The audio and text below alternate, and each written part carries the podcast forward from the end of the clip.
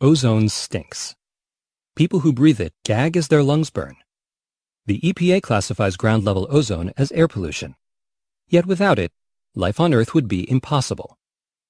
A fragile layer of ozone 25 kilometers above Earth's surface is all that stands between us and some of the harshest UV rays from the sun. The ozone molecule O3 blocks radiation, which would otherwise burn skin and cause cancer.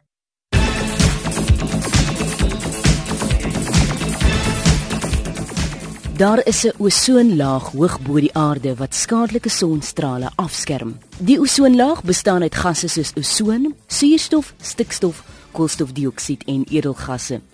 Ozon is 'n diep blou gas bestaande uit drie chemiese verbonde suurstofatome wat hoofsaaklik in die stratosfeer voorkom.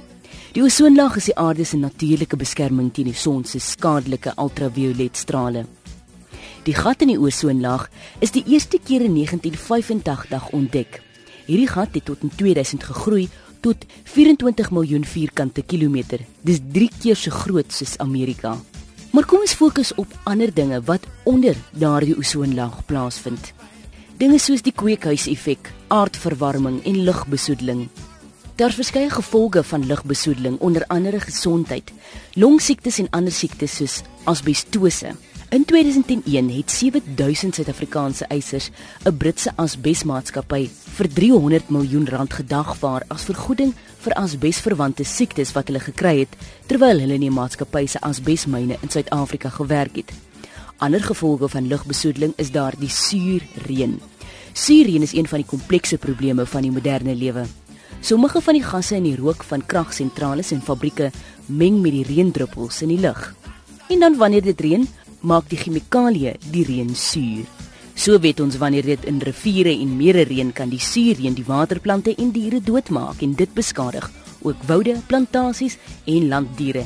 Rookmis en verandering in temperature is nog gevolge van lugbesoedeling.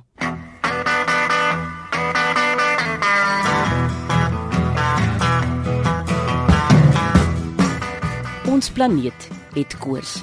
Dis weens die kweekhuiseffek eintlik 'n natuurlike proses wat keer dat die aarde vries. Sonder gasse soos koolstofdioksied en metaan in die atmosfeer, sou die aardoppervlak baie koeler gewees het.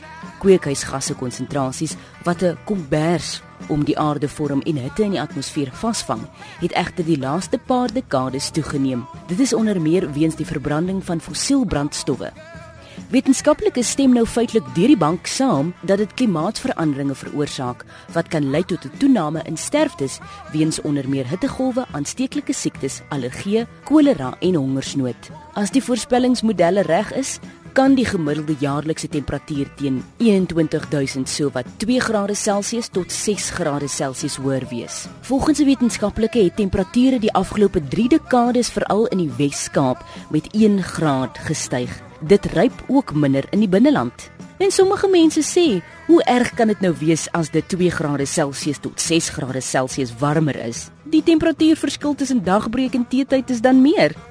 Maar stel jou voor jy word teen dagbreek wakker en dis reeds teetyd temperatuur. Selfs 'n klein temperatuurtoename kan 'n geweldige impak op die aarde hê. Warmer dae en meer hittegolwe is ons voorland.